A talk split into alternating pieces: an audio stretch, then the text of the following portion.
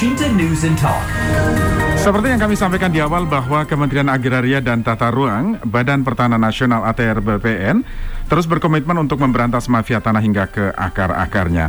Pagi ini kami eh, akan eh, berbincang bersama Menteri Agraria dan Tata Ruang Badan Pertanahan Nasional Hadi Cahyanto. Tentu nanti Anda bisa bergabung bersama kami, sampaikan pertanyaan Anda di 0215869000, SMS WhatsApp di 0811806543. El Shinta News and Talk. Selamat pagi Pak Menteri Hadi Cahyanto, selamat pagi. Sehat selalu Bapak. Selamat pagi, Mas. Iya. Alhamdulillah baik. Alhamdulillah. Pak Menteri terima kasih kami ucapkan sebelumnya Pak Menteri ya atas eh, meluangkan waktunya untuk kami pagi ini banyak hal sebetulnya Pak Menteri yang ingin kami bahas di antaranya soal pemberantasan mafia tanah karena begitu Bapak dilantik sebagai Menteri wah langsung dihadapkan pada persoalan mafia tanah ya Pak Menteri ya. Nah, bagaimana nih eh, Pak Menteri eh, menjalani hari-hari di awal sebagai Menteri dengan tantangan yang begitu besar Pak Menteri? Ya, kalau uh, kegiatan rutin harian saya sudah terbiasa karena saya menjadi Kepala Staf Angkatan Udara, Panglima TNI, dan saat ini saya ditunjuk sebagai Menteri ATR BPN. Setiap Senin pagi sebelum saya berangkat ke kantor, saya paling senang dan suka berkumpul dengan staf untuk mereview berbagai permasalahan yang telah, sedang, dan akan kita hadapi ke depannya. Ya kira-kira semacam brainstorming lah untuk saya dan staf. Sehingga kita punya planning untuk langkah-langkah ke depan yang harus dilakukan. Dan biasa ini uh, saya lakukan setelah seminggu kita ke daerah, kemudian Senin pagi kita kumpul sama-sama, dan apa-apa saja yang harus kita lakukan uh, minggu ke depannya begitu. Ya, jadi rutinitas Senin pagi sampai kantor langsung rapat, evaluasi dan lain sebagainya, menerima laporan dan lain sebagainya, Pak Menteri ya. Iya, iya, seperti itu. Iya. Nah, me- menyempatkan untuk sarapan bersama keluarga barangkali sebelum berangkat kantor karena tentu aktivitasnya agak berbeda ya ketika menjadi panglima dan juga menteri ya, Pak Menteri ya. Iya, alhamdulillah karena kita diberikan waktu satu hari 24 jam. Mm-mm. oleh yang maha kuasa, yang maha sempurna. Dan hari-hari itu saya bisa memiliki, memiliki kesempatan untuk mengerjakan hal-hal baik yang diperintahkan oleh Allah Subhanahu wa taala dan termasuk waktu untuk keluarga. Dan selalu saya sempatkan berbicara dengan keluarga walaupun lima menit kemudian berangkat kerja. Mm-mm. Pulang malam pun saya juga masih bisa bicara dengan keluarga, bisa minum teh bareng, Mm-mm. dan keseharian ini terus saya jaga supaya ada hubungan, kehangatan Iya. dengan keluarga terus terjaga dan dinas juga bisa dilaksanakan dengan baik. Iya. Nah, Pak Menteri, eh, tipsnya apa sih eh, terlihat tetap eh, sehat bugar Pak Menteri? Olahraga favoritnya apa ya? Iya, sebetulnya yang pertama pikiran, pikiran kita yang penting senang, mengerjakan eh, satu tugas dengan ikhlas. Kemudian kalau rutinnya ya saya, saya paling hanya stretching, Mm-mm. kemudian jalan eh, pagi tidak terlalu eh, capek karena tenaga harus kita sisakan untuk eh, kerja di kantor. Demikian, Mas. Iya, Pak Menteri sekarang kan sudah jadi menteri ya, eh, eh, bukan lagi sebagai panglima, tetapi bawahan atau kolega dulu di eh, apa Mabes TNI kan begitu sangat dekat dengan Bapak. Masih ada momen-momen untuk berkumpul bersama mereka, Pak Menteri, di luar tugas keseharian sebagai menteri. Ya kadang-kadang teman itu kumpul ngobrol-ngobrol bareng. Memang saya siapkan waktu kadang-kadang di uh, Sabtu pagi atau Minggu pagi, termasuk junior di Mabes TNI, Mabes AU juga banyak yang kepingin ngobrol. Ya bertanya masalah pengalaman, apalagi Ya. sekarang sedang rame-ramenya mafia tanah. Nah mereka tanya tanah-tanah spesifikasinya apa saja, saya jelaskan. Nah, Mm-mm. mereka baru tahu dan menjadi ilmu baru bagi mereka kata kata mereka itu. iya. Jadi memang ada kerinduan juga ya Pak Menteri ya untuk berkumpul dengan eh, mereka para junior gitu di eh, angkatan itu ya Pak Menteri ya. Iya, saya jaga hubungan uh, kekerabatan senior junior uh, terus uh, karena ini adalah bagian dari komunikasi sosial saya kepada teman-teman saya termasuk juga kepada masyarakat Iya. supaya tetap hangat, tetap dekat dan kalau ada masalah kita bisa sharing uh, bisa kita selesaikan bersama-sama. Ya, nah kita uh, ke uh, tema yang lain nih, Pak Pak Menteri. Gebrakan Pak Menteri kan dalam memberantas mafia tanah, akhir-akhir ini kan banyak diapresiasi uh, ya bahkan mereka yang kong kali kong dengan para mafia tanah di institusi BPN juga sudah diproses dan Bapak memberikan dukungan penuh kepada pihak kepolisian. Nah, apakah itu target yang memang Bapak amban dari Pak Presiden, Pak Menteri? Ya, sebagai pembantu Presiden, kita wajib melaksanakan apa yang menjadi petunjuk beliau. Kalau disebut gebrakan ya mungkin bisa saja, tapi karena saya lakukan dalam tempo yang begitu singkat dan cepat. Tapi saya sebagai mantan prajurit TNI dan seorang airman, di mana waktu dikalkulasi dalam hitungan detik. Dan saya merasa itu adalah bagian dari kehidupan saya, harus melakukan uh, dengan cepat apa yang diperintahkan oleh Bapak Presiden. Sehingga uh, dalam waktu satu bulan kita sudah bisa menemukan simpul-simpul yang jadi permasalahan di khususnya adalah di masyarakat. Demikian. Iya. Apakah ada jangka waktu tertentu yang diberikan Presiden, Pak, dalam memberantas mafia tanah ini? Bapak Presiden sebagai pimpinan di tataran strategis pemerintahan tidak perlu secara spesifik menentukan target. Hmm. Kita sebagai pembantunya yang harus benar-benar memahami karena dengan sisa waktu yang hanya sekitar dua tahun lagi, tentu saja tempo yang saya lakukan harus menjadi sedemikian cepat dan ketat untuk bisa mencapai target yang uh, saya tentukan. Hmm. Iya, jadi secepatnya kira-kira begitu ya Pak Menteri. Tapi memang ya, persoalan ya. mafia tanah ini kan sudah sudah mengakar dan sudah berlangsung begitu lama Pak Menteri. Nah, bagaimana me, apa membenahi membenahi di eh, internal terlebih dahulu Pak Menteri karena ini juga banyak disoroti ya setelah Pak Menteri juga memberikan dukungan penuh kepada kepolisian untuk mengusut tuntas siapa pun yang terlibat itu. Memang saya tidak mau berandai-andai apa yang menjadi penyebabnya dan saat ini kami terus melakukan evaluasi internal untuk melihat berbagai celah yang dapat berpotensi untuk disalahgunakan. Mulai dari piranti lunak, kami cek piranti keras maupun sumber daya manusianya.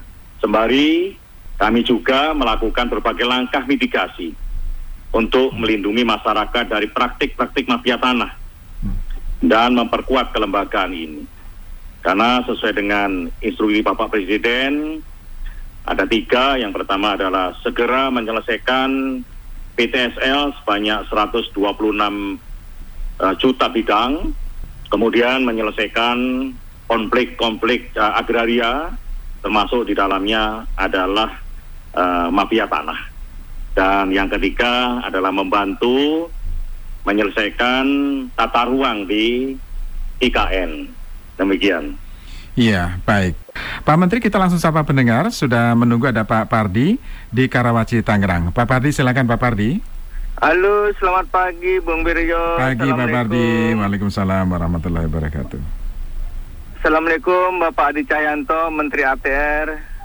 Ya. Waalaikumsalam Pak Pardi, silakan. Pertama saya ucapkan selamat ya, terima kasih, mudah-mudahan Bapak sukses. Uh, tentu tugas Bapak uh, dua tahun terakhir ini yang yang akan datang ya itu bukan suatu yang mudah ya karena mafia tanah udah menggurita, udah sangat kuat sekali mengakar di di tanah air Indonesia Pak Adi Cahyanto. Cuma memang masalahnya itu kan sebetulnya uh, perolehan tanah, uh, pemberian hak tanah dari negara kepada warga Indonesia itu memang tidak terstruktur. Artinya uh, mereka memperoleh hak tanah seperti secara alami ya hukum rimba ya. Mereka tadinya mengharap tanah tanah warga yang uh, tanah negara yang tadinya hutan, kebun terbelengkai, uh, terbengkelai, kemudian dia menggarap, kemudian dia disahkan oleh uh, pemerintah terendah ya dari RT RW lurah dan sebagainya. Kemudian mereka juga akhirnya bekerja sama dengan apa ya mafia atau pembeli.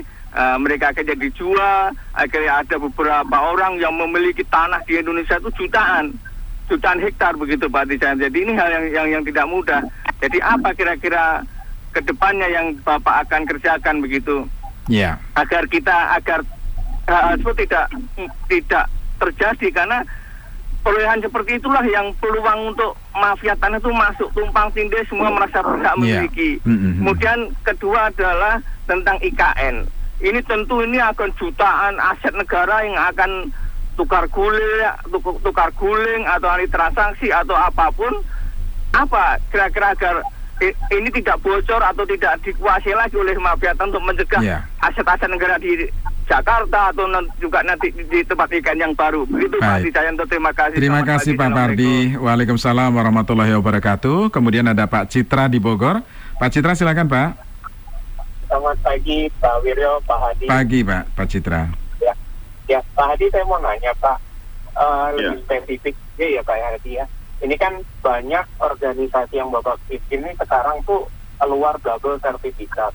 Yang diakui itu yang yang sertifikat yang pertama atau yang kedua dan seterusnya gitu supaya tidak terjadi demikian bagaimana caranya dan bagaimana menanggulu, menanggulangi konflik agraria yang sertifikatnya double seperti ini gitu loh. Apakah akan diakui yang sertifikat pertama tanpa kita harus lari ke pengadilan? Ya. Nah, pernah diangkat juga di uh, Sinta beberapa minggu yang lalu ya ada organisasi korban mafia tanah apa namanya lupa Mm-mm. diusulkan gitu adanya uh, badan ad hoc untuk melakukan rekonsil uh, rekonsil data uh, tanah ya yang ada di Kemen apa agraria ini Iya. di rekonsilasi membuang yang apa yang double double gitu pernah nggak dilakukan seperti itu jadi benar-benar hanya satu nomor yang tercatat resmi dan itu adalah pemilik sah atas tanah tersebut terima Oke. kasih selamat pagi. Baik, terima kasih. Selamat pagi Pak Citra. Kemudian Pak Solahuddin di Sawangan.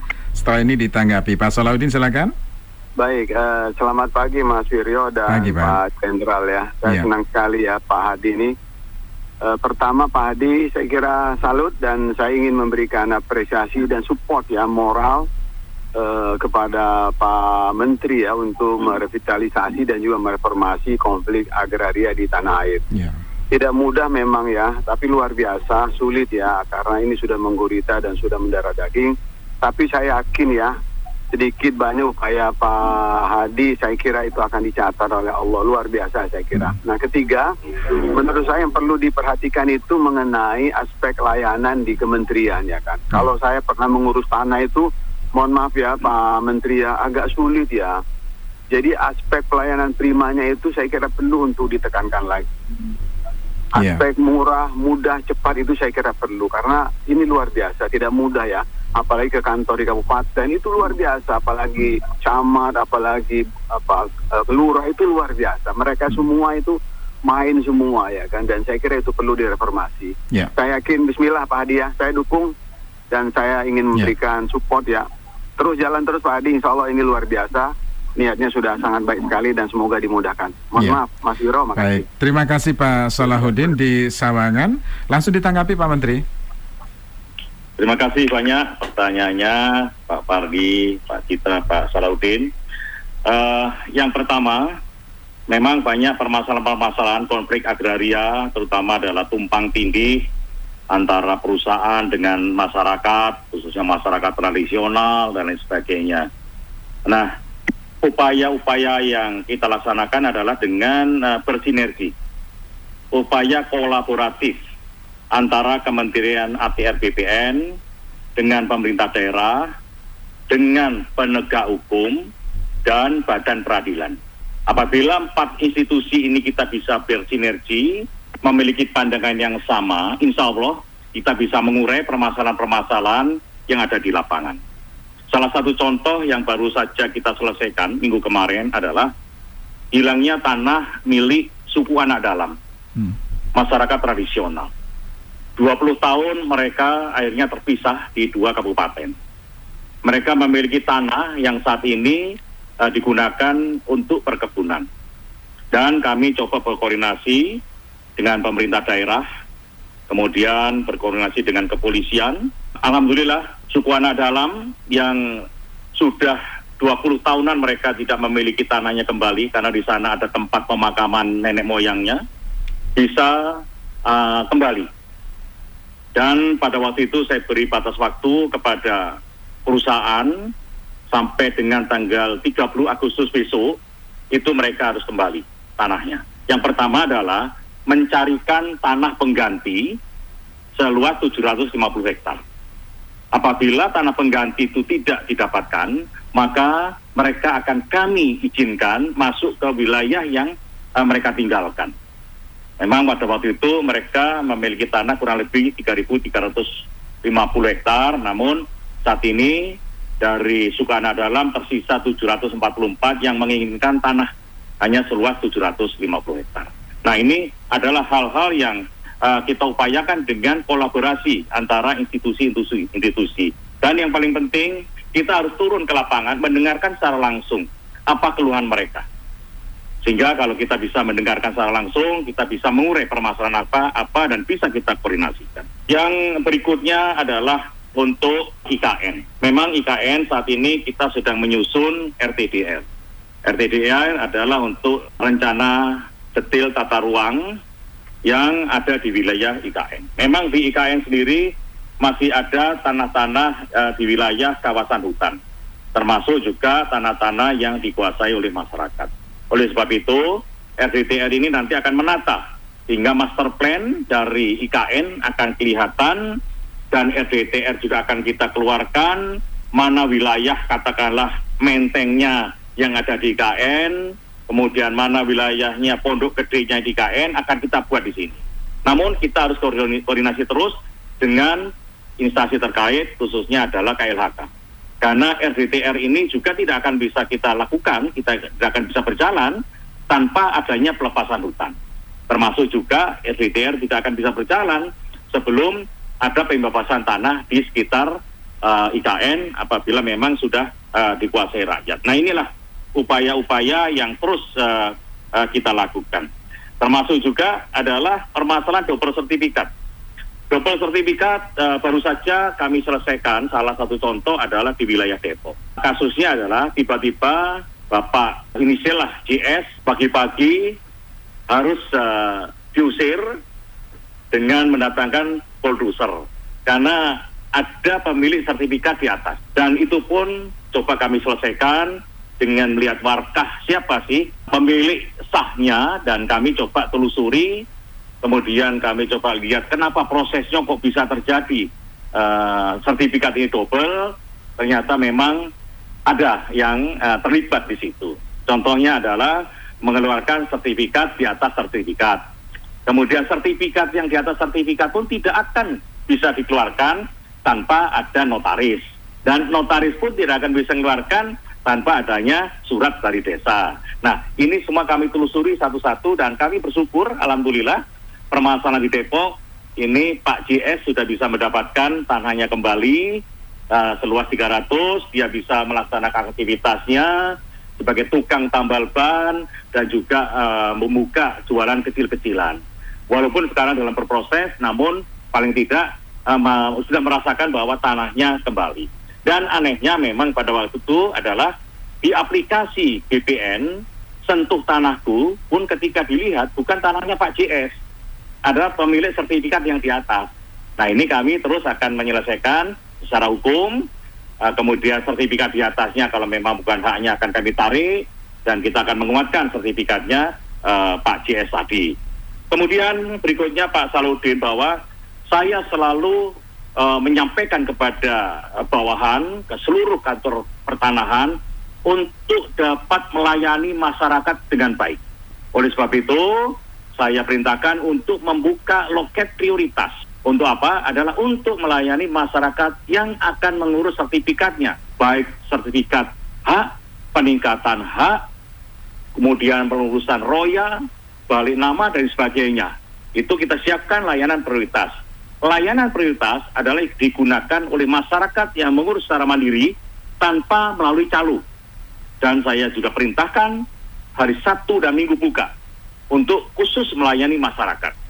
Dan saya minta kepada seluruh petugas di lapangan tetap memberikan pelayanan terbaik, memberikan pelayanan memudahkan masyarakat dengan tersenyum dan apabila ada yang melakukan hal yang kurang baik, melaksanakan pungli, maka saya sampaikan pada petugas di lapangan, saya tidak segan-segan untuk mencopot. Saya ganti personil yang lebih baik, bahkan apabila terbukti, saya tidak segan-segan untuk memecat mereka. Demikian, Pak. Ya. Baik. Nah, tadi soal revitalisasi dan eh, mereformasi eh, sulit ya karena memang ini sudah sudah menggurita Pak, Pak Menteri. Nah, ini ini kami kaitkan lagi dengan eh, bagaimana sih sebetulnya modus yang dilakukan oleh oknum ya, oknum di kementerian misalnya terlibat dalam jaringan mafia tanah ini. Bagaimana eh, Bapak me- membereskan persoalan itu semua Pak Menteri? Ya, memang eh, sesuai semboyan yang disampaikan Bapak Presiden untuk mencapai Indonesia maju, maka saya ingin memperkuat lembaga ini menjadi lembaga yang akuntabel, Hmm. transparan, dan modern. Akuntabel artinya dapat dipercaya dalam setiap tugas yang diemban. Dan ini berarti juga untuk seluruh personil yang mengawakinya. Transparan berarti setiap proses yang terjadi harus dapat diaudit dan dimonitor secara luas.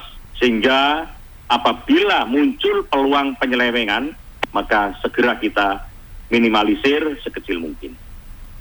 Untuk itu maka keinginan saya adalah memodernisasi dari sisi tata kelola maupun pengawasan menjadi hal mutlak untuk dicapai.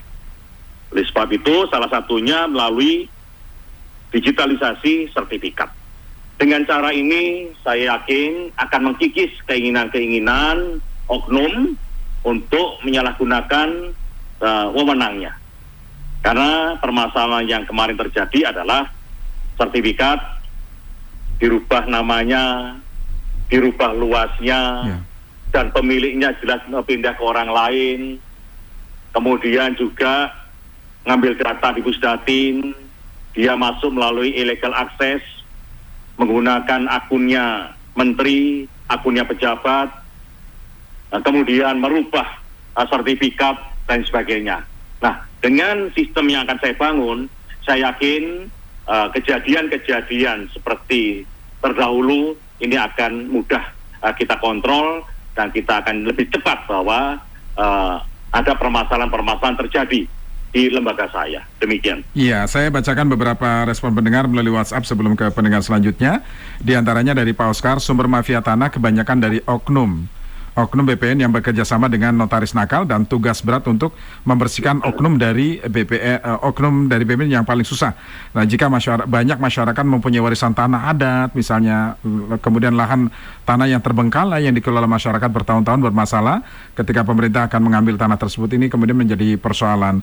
Kemudian yang lain, Ibu Yuyun bongkar eh, bongkar oknum mafia tanah. Uh, dan mereka hanya memperkaya sendiri, kemudian menyumbat penghasilan, penghasilan negara yang juga ini mengganggu masyarakat, ya, mengganggu masyarakat. Kemudian Pak Hendra di Jakarta, sekali Panglima tetap Panglima. Dulu Panglima TNI, sekarang Panglima Pemberantasan Mafia Tanah. Kami support, ya, kami support untuk Pak Hadi Cahyanto. Kemudian eh, dari Pak Nawan di Medan, Pak Menteri, bagaimana klimaks sengketa tanah di Sarirejo, Polonia Medan, Pak? Yang diklaim pihak TNI Angkatan Udara adalah milik mereka. Sementara Lanut Suwondo, Polonia Medan akan direlokasi ke dekat pantai Hamparan Perak, Kabupaten Deli Serdang, Sumatera Utara, dan telah Pak Menteri tinjau pekan lalu ke lokasi. Nah ini pertanyaan dari Panawan di Medan. Nanti ditanggapi Pak, nanti ditanggapi kita sapa pendengar. Nanti jika ada yang terlupa nanti kami ingatkan ya Pak Menteri ya. Saya akan sapa eh, Pak Hari, Pak Hari di Cempaka Putih. Silakan Pak Hari. Selamat pagi Mas Suryo. Selamat Pagi, Pak Hari. Hadi Cahyanto.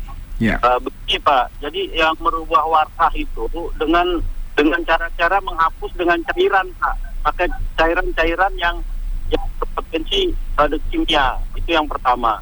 Yang kedua, ini RW sama lurah itu selalu memberikan dan sengketa. Itu yang penting itu untuk ujung tombaknya Pak. Karena lurah itu ditulis di surat keterangan kelurahan itu eh, lurah tidak bisa dituntut. Itu ada tuh. Nah, itu kejadian di eh, kompleks saya di Cempaka Putih Timur di Rawasari Timur. Ya, itu yang pertama. Yang kedua di Sumur Bor Jakarta Barat itu ada tanah PN Pertamina tahun 70 itu udah dibeli sama Pak Ibnu di Rut Pertamina ya, Ibnu Stowo itu dulu. Ah, itu sebagian itu dikuasai oleh orang yang tidak bertanggung jawab. Mungkin itu juga merubah warga atau dia pakai eh, apa namanya eh, girik dari lurah yang awal gitu. Padahal itu udah dibeli sama Pertamina dan dokumentasinya ada di Pertamina Pusat. Itu yang yang sedih. Ya selanjutnya ada Pak di Jakarta Timur itu gudang Pertamina ya di Jalan Perintis Kemerdekaan itu di sebelah Asmi itu itu dikancepin pelang-pelang itu pelang-pelang Pulau PT Pulau Mas Jaya. Padahal itu udah dibeli tahun 70 juga sama Pak Ibu Stowo juga. Oke. Itu. Yeah. Dan di komplek Pertamina Villa Tanaman. Itu yang saya heran. Yeah. Pak Pak Hadi tolong bantu Pak itu dikembalikan lagi Pak. Oke. Karena saya tahu persis itu waktu, waktu kecil itu saya main di situ tidak ada pelang-pelang Pulau Mas Jaya itu. Oke, ya. Terima kasih. Terima kasih Pak Hari. Kemudian Pak Rahmat di Petukangan Jakarta Selatan. Pak Rahmat silakan Pak. Assalamualaikum warahmatullahi wabarakatuh Mas Wiryo. Waalaikumsalam Pak Salam Rahmat. sehat selalu juga untuk Bapak Hadi Cahyanto. Ya. Selamat bertugas dan semoga tetap menjadi panglima yang berada di paling depan untuk rakyatnya. Ya. Amin. Ini saya mau dibantu. Saya mengurus PTSL sertifikat tanah itu 11 sertifikat, Pak. Di daerah Pesanggerahan Petukangan Selatan. Jadi 11 sertifikat saya itu semuanya terhutang. Padahal semua sudah terbayarkan. Dan di UPTD pun ada beberapa berkas yang hilang yaitu BPATB-nya. Kan sebenarnya itu ada salinannya, cuma kita minta dihalang-halangin. Pada saat mengurus 11 sertifikat ini selama 2 tahun, cuman berhasil satu yang bisa dihapus tulisan terhutangnya, cuman gara-gara tulisan terhutang itu cuman dicoret terus diparaf dan dikasih tanggal pada saat dicoretnya Ya. menurut saya, apakah separah ini di BPN Jaksel itu sampai dua tahun saya mengurus itu dan sampai sekarang pun sisanya yang dari 10 belum selesai. Alasannya diurus ke UPTD, UPTD disuruh ke uh, DJP bolak-balik selama dua tahun ini. Mm-mm. Jadi sepertinya memang PTSL itu memang banyak kendala dan banyak petugas di situ membuat sebuah keputusan yang sebenarnya tidak masuk akal. Itu mohon banget kalau memang hari Sabtu dan Minggu bisa dibuka, terutama di BPN BPN pusatnya, Mm. di BPN Jaksel saya kebetulan mengurus di sana itu lebih baik karena apa? Sangat melelahkan proses ini dua tahun lebih sampai detik ini pun saya masih menunggu kepastian dari UPTD untuk meminta salinan nomor BPHTB-nya, NTPD segala macam dan Ya. pajak. Padahal Oke. kita sudah bayar semua. Apakah ada solusi terbaik untuk uh, masalah saya ini? Terima Ya. kasih. Terima kasih Pak Rahmat. Waalaikumsalam warahmatullahi wabarakatuh. Kemudian Pak Hengki di Serang, Banten. Pak Hengki. Terima kasih Pak Wiryo. Ya. Assalamualaikum warahmatullahi wabarakatuh Pak Menteri. warahmatullahi wabarakatuh. Waalaikumsalam warahmatullahi wabarakatuh. Eh, saya hanya ada beberapa usul aja Pak Menteri. Kalau bisa Pak Menteri eh, mendapatkan eh, berapa menit satu orang petugas pemeriksa berkas atau wakil ketua atau ketua? Mungkin numpuknya di wakil ketua PTSL ya Pak ya. Berapa menit dal mereka memeriksa satu berkas? Karena saya yakin itu target yang dikasihkan oleh eh, Pak Jokowi itu nggak masuk akal dengan ketersediaan tenaga sekarang itu yang pertama Hmm. terus yang kedua yang kedua tolong Pak Menteri eh, sekarang kan Pak Menteri lagi gencar-gencarnya nih mem- memberantas mafia pertanahan katanya. Nah yang setahu saya itu masih akan terjadi tunggakan yang paling banyak Pak Menteri. Kenapa? Yang saya sebut tunggakan itu adalah eh, kasusnya kasusnya nggak beres. Hmm. Nggak beresnya itu karena penegakan hukum itu sendiri. Contoh soal itu di Banten pernah ada kasus tentang sertifikat tanah. Hmm. Terus itu barangnya disita oleh penegak hukum. Hmm. Ketika putusannya udah ingkrah, itu nggak dikembalikan. Yang disita itu nggak dikembalikan, Pak Menteri. Ya. Itu juga di di di Tangerang banyak, Pak Menteri. Itu puluh, puluhan ribu juga di Tangerang Hmm. kasus-kasus yang begitu. Nah, kalau bisa Pak Menteri, ini juga dikelirkan. Jadi ketika dia udah ingkrah, apa Ya. yang eh, apa apa yang disita itu dikembalikan semua oleh Oke. penegak hukum. Ya. Pak. Yuk, makasih Pak. Baik, terima kasih ya. Waalaikumsalam warahmatullahi wabarakatuh. Pak Hengki, pendengar terakhir Pak Menteri ya. Bisa langsung ditanggapi Pak Hari, Pak Rahmat, dan Pak Hengki. Terima kasih banyak. Untuk Pak Rahmat, terkait dengan sertifikat dalam program PTSL sudah dua tahun eh, tidak keluar. Hari ini saya tindak lanjuti Pak. Mudah-mudahan eh, hari ini atau besok sudah keluar itu. Karena kalau lihat ceritanya Pak Rahmat, eh, seharusnya keluar karena Ya. eh, ada tunggakan, itu ada roya yang sudah diselesaikan namun kok tidak keluar. Nanti langsung saya cek ke eh, kepala pertanahan di Jakarta Selatan. Wah, Alhamdulillah Eh, ini Pak Rahmat. Ya. Langsung direspon Ya. Pak Menteri, Pak Rahmat ya. Mudah-mudahan Ya. lancar. Oke, lanjut Pak Ya. Menteri. Kemudian untuk Pak Hengki, betul Pak, jadi memang kami dalam penyelesaian sertifikat ini dibantu oleh tenaga surveyor dari eh, eh, luar yang berlisensi eh, untuk eh, bisa melaksanakan tugas menyelesaikan PTSL sebanyak 126 juta bidang. Dan memang eh, kita terus berupaya untuk bisa secepatnya menyelesaikan walaupun masih ada masalah-masalah kecil sebagai residu yang terus kita evaluasi dan kita selesaikan. Kemudian eh, terkait terkait dengan eh, masalah putusan yang sudah inkrah namun tidak dikembalikan, hampir setiap hari saya menerima laporan itu, Pak. Dan langsung saya telepon ke kepala kantor pertanahnya untuk segera di anu, dilakukan, ditindaklanjuti.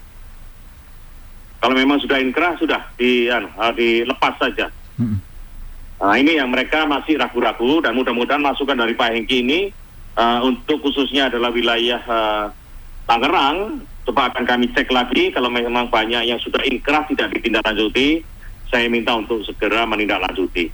Termasuk juga yang sampaikan Pak Hari Pak, bahwa modus-modus yang saat ini sedang dilakukan adalah mencari tanah-tanah kosong Mm. tentunya koordinasi dengan BPN melihat sejarahnya, melihat warkahnya.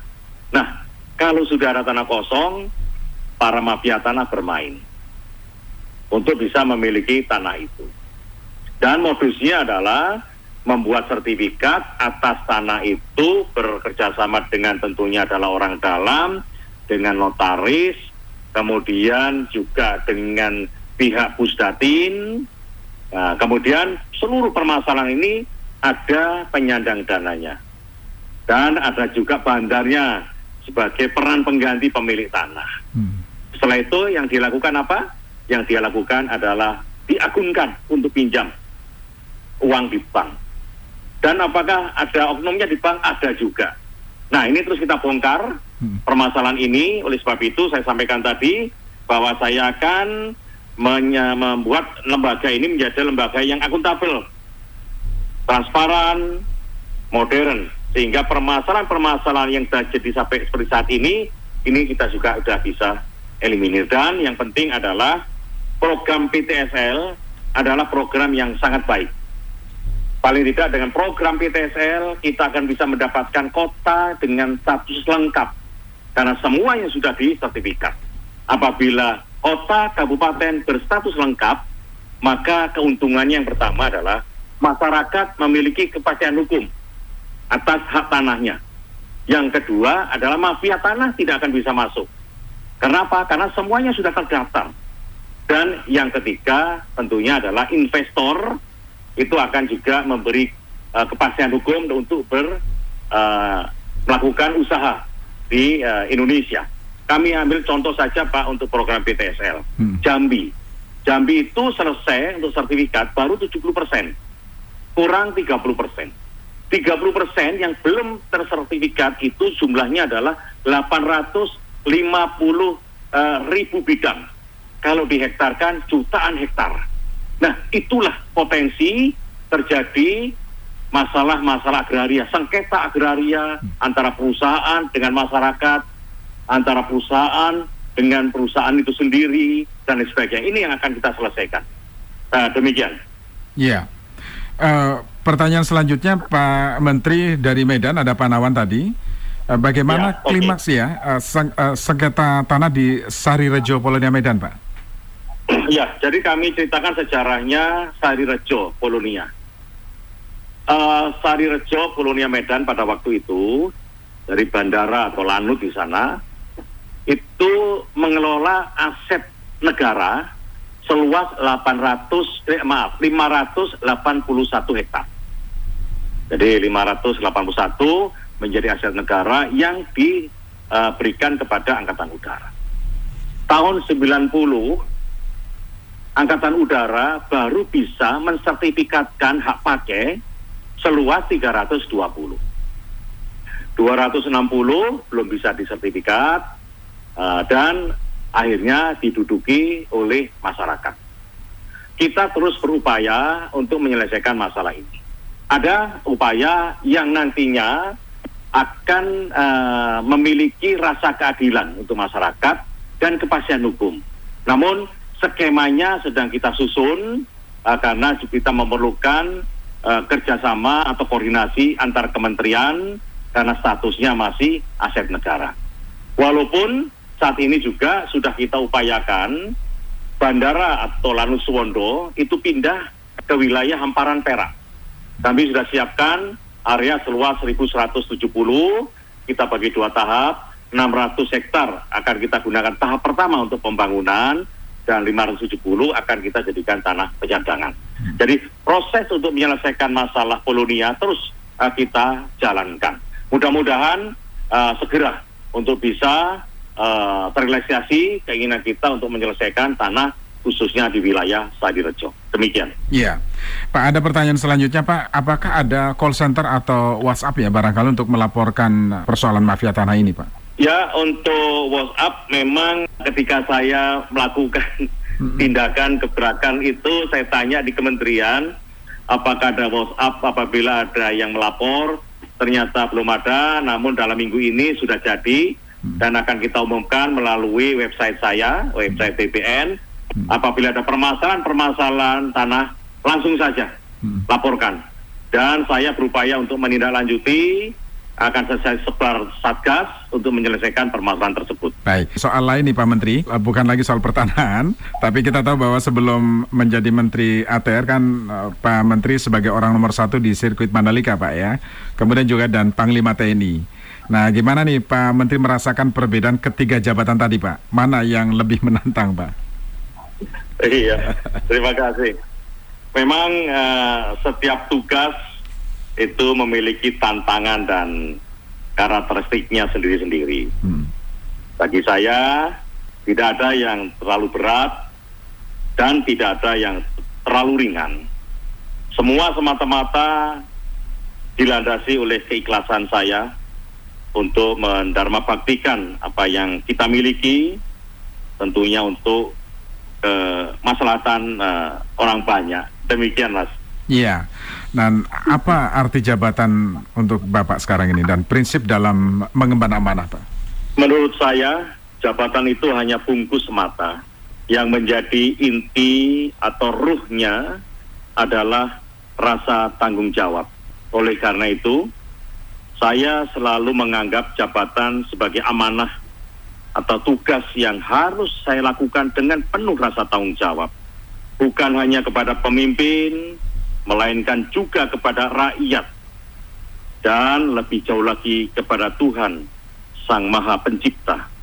Dan aplikasinya bahwa segala tugas yang diberikan kepada saya selalu saya ibaratkan sebagai ladang ibadah bagi saya. Demikian Mas. Iya, saya sampaikan eh, pertanyaan melalui WhatsApp dan juga harapan ini dari Pak Saiful, Pak Saiful Hadi di Surabaya, Pak Menteri, Pak Panglimanya pemberantasan mafia tanah. Mohon harapan masyarakat ini tidak pupus, Pak. Em, kami sangat berharap Bapak bisa eh, ber, apa, menyelesaikan tugas dengan baik dan menjalankan amanah ini dengan sebaik-baiknya. Bantu kami masyarakat yang membutuhkan. Nah ini eh, beberapa respon secara umum yang disampaikan masyarakat atas kepemimpinan eh, Pak Hadi Cahyanto di eh, Kementerian ATR BPN, Pak Menteri. Iya, saya akan akan terus melakukan tindakan terbaik tentunya untuk rakyat yang selama ini ditunggu-tunggu. Karena rakyat juga menginginkan haknya atas tanah itu bisa memiliki kepastian hukum. Dan tentunya kami akan terus lakukan, tidak akan putus. Karena Baik. rasa keadilan itulah yang ingin saya eh, berikan kepada eh, masyarakat. Baik, Pak Menteri terima kasih sudah bersama kami Pak. Sehat selalu Pak Menteri ya, sukses dalam menjalankan tugasnya Pak. Terima kasih banyak Mas Wiryo. Terima kasih. Pendengar demikian tadi Menteri Agraria dan Tata Ruang Badan Pertanahan Nasional Hadi Cahyanto. El Shinta News and Talk.